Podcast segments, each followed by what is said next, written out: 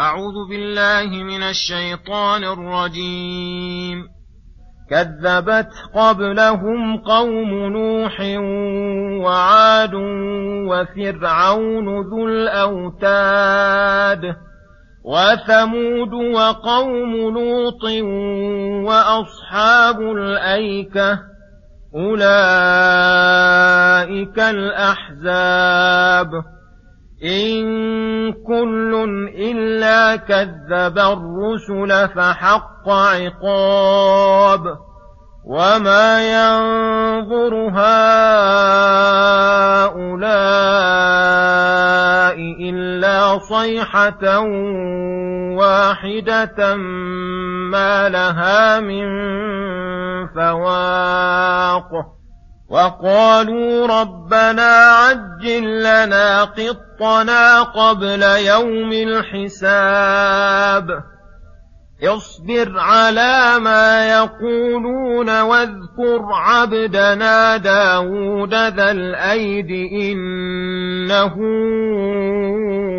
أواب.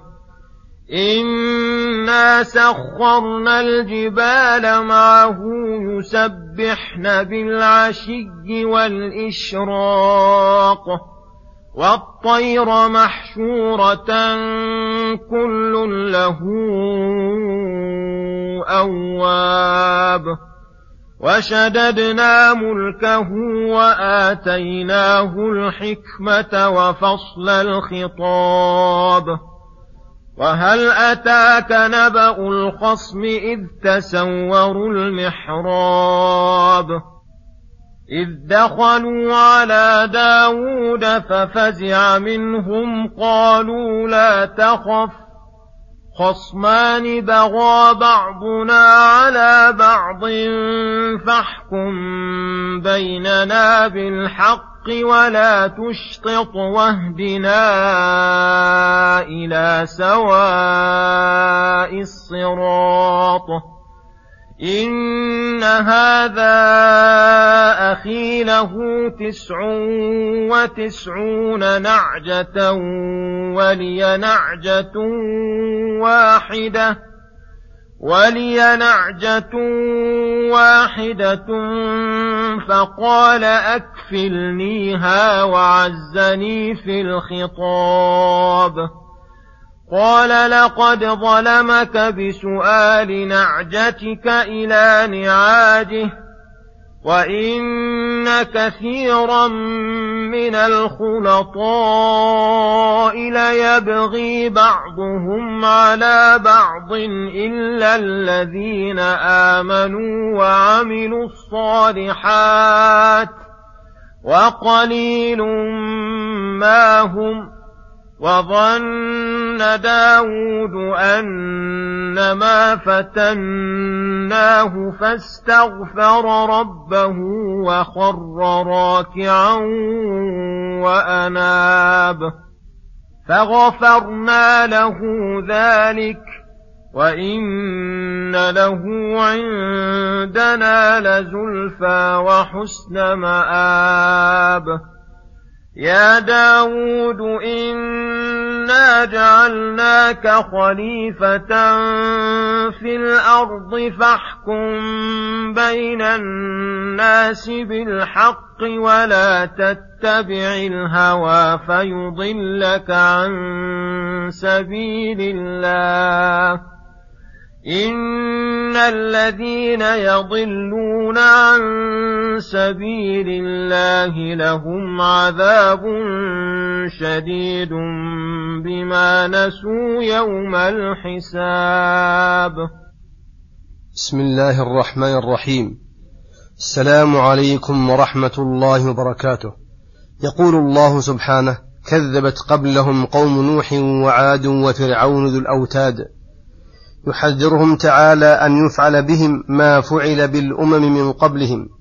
الذين كذبوا أعظم قوة منهم الذين كانوا أعظم قوة منهم وتحزبا على الباطل قوم نوح وعاد قوم هود وفرعون ذو الأوتاد أي الجنود العظيمة والقوة الهائلة. وثمود قوم صالح وقوم لوط وأصحاب الأيكة أي الأشجار والبساتين الملتفة وهم قوم شعيب. أولئك الأحزاب الذين اجتمعوا بقوتهم وعددهم وعددهم على رد الحق فلم تغن عنهم شيئا. إن كل من هؤلاء إلا كذب الرسل فحق عقاب. أي عقاب الله وهؤلاء ما الذي يطهرهم ويزكيهم ألا يصيبهم ما أصاب أولئك؟ فلينتظروا. وما ينظر هؤلاء إلا صيحة واحدة ما لها من فواق. أي من رجوع ورد تهلكهم وتستأصلهم. إن قاموا على ما هم عليه. ثم يقول سبحانه وقالوا ربنا عجل لنا قطنا قبل يوم الحساب. أي قال هؤلاء المكذبون من جهلهم ومعاندتهم الحق مستعجلين للعذاب ربنا عجل لنا قطنا. أي قسطنا وما قسم لنا من العذاب عاجلا قبل يوم الحساب. ولجوا في هذا القول وزعموا أنك يا محمد إن كنت صادقا. فعلامة صدقك أن تأتيهم بالعذاب. فقال الله لرسوله اصبر على ما يقولون كما صبر من قبلك من الرسل فإن قولهم لا يضر الحق شيئا ولا يضرونك في شيء وإنما يضرون أنفسهم. ثم يقول سبحانه واذكر عبدنا داود ذا الأيد إنه أواب. لما أمر الله رسوله بالصبر على قومه أمره أن يستعين على الصبر بالعبادة لله وحده ويتذكر حال العابدين كما قال في الآية الأخرى فاصبر على ما يقولون وسبح بحمد ربك قبل طلوع الشمس وقبل غروبها. ومن أعظم العابدين نبي, نبي الله داود عليه الصلاة والسلام ذا الأيدي أي القوة العظيمة على عبادة الله تعالى في بدنه وقلبه إنه أواب. أي رجاع إلى الله في جميع الأمور بالإنابة إليه بالحب والتأله والخوف والرجاء وكثرة التضرع والدعاء رجاع إليه عندما يقع منه بعض الخلل بالإقلاع والتوبة النصوح. ومن شدة إنابته لربه وعبادته أن سخر الله الجبال معه تسبح معه بحمد ربها بالعشي والإشراق أول النهار وآخره. وسخر الطير محشورة معه مجموعة كل من الجبال والطير.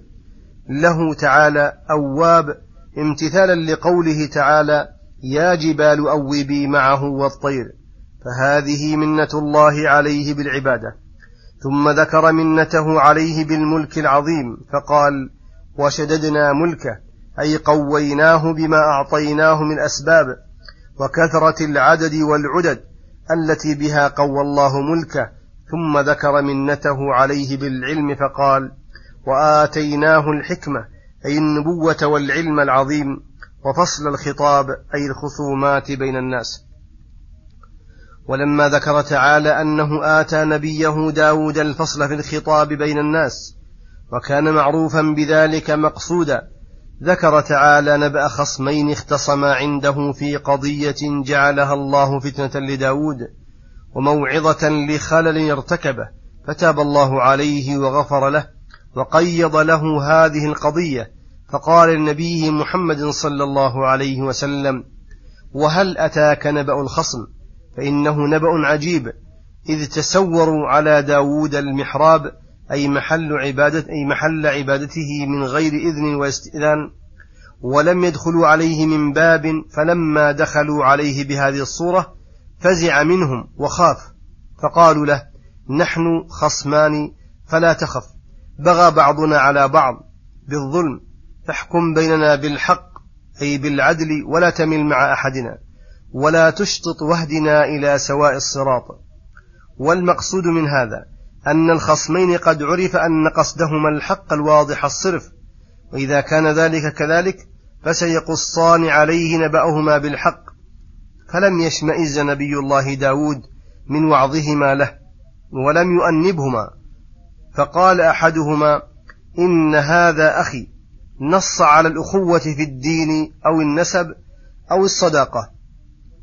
لاقتضائها عدم البغي. وأن بغيه الصادر منه أعظم من غيره. له تسع وتسعون نعجة أي زوجة وذلك خير كثير يوجب عليه القناعة بما آتاه الله. ولي نعجة واحدة فطمع فيها فقال أكفلنيها أي دعها لي وخلها في, وخلها في كفالتي. وعزني في الخطاب أي غلبني في القول فلم يزل بي حتى أدركها أو كاد.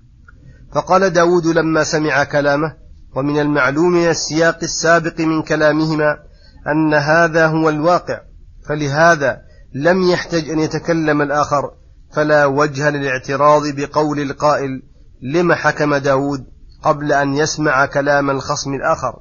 لقد ظلمك بسؤال نعجتك إلى نعاجه؟ وهذه عادة الخلطاء والقرناء الكثير منهم فقال وإن كثيرا من الخلطاء ليبغي بعضهم على بعض لأن الظلم من صفة النفوس.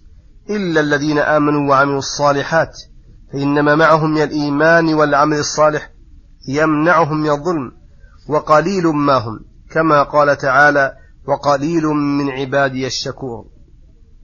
وظن داود حين حكم بينهما أنما فتناه اختبرناه ودبرنا عليه هذه القضية ليتنبه فاستغفر ربه لما صدر منه وخر راكعا أي ساجدا وأناب لله تعالى بالتوبة النصوح والعبادة.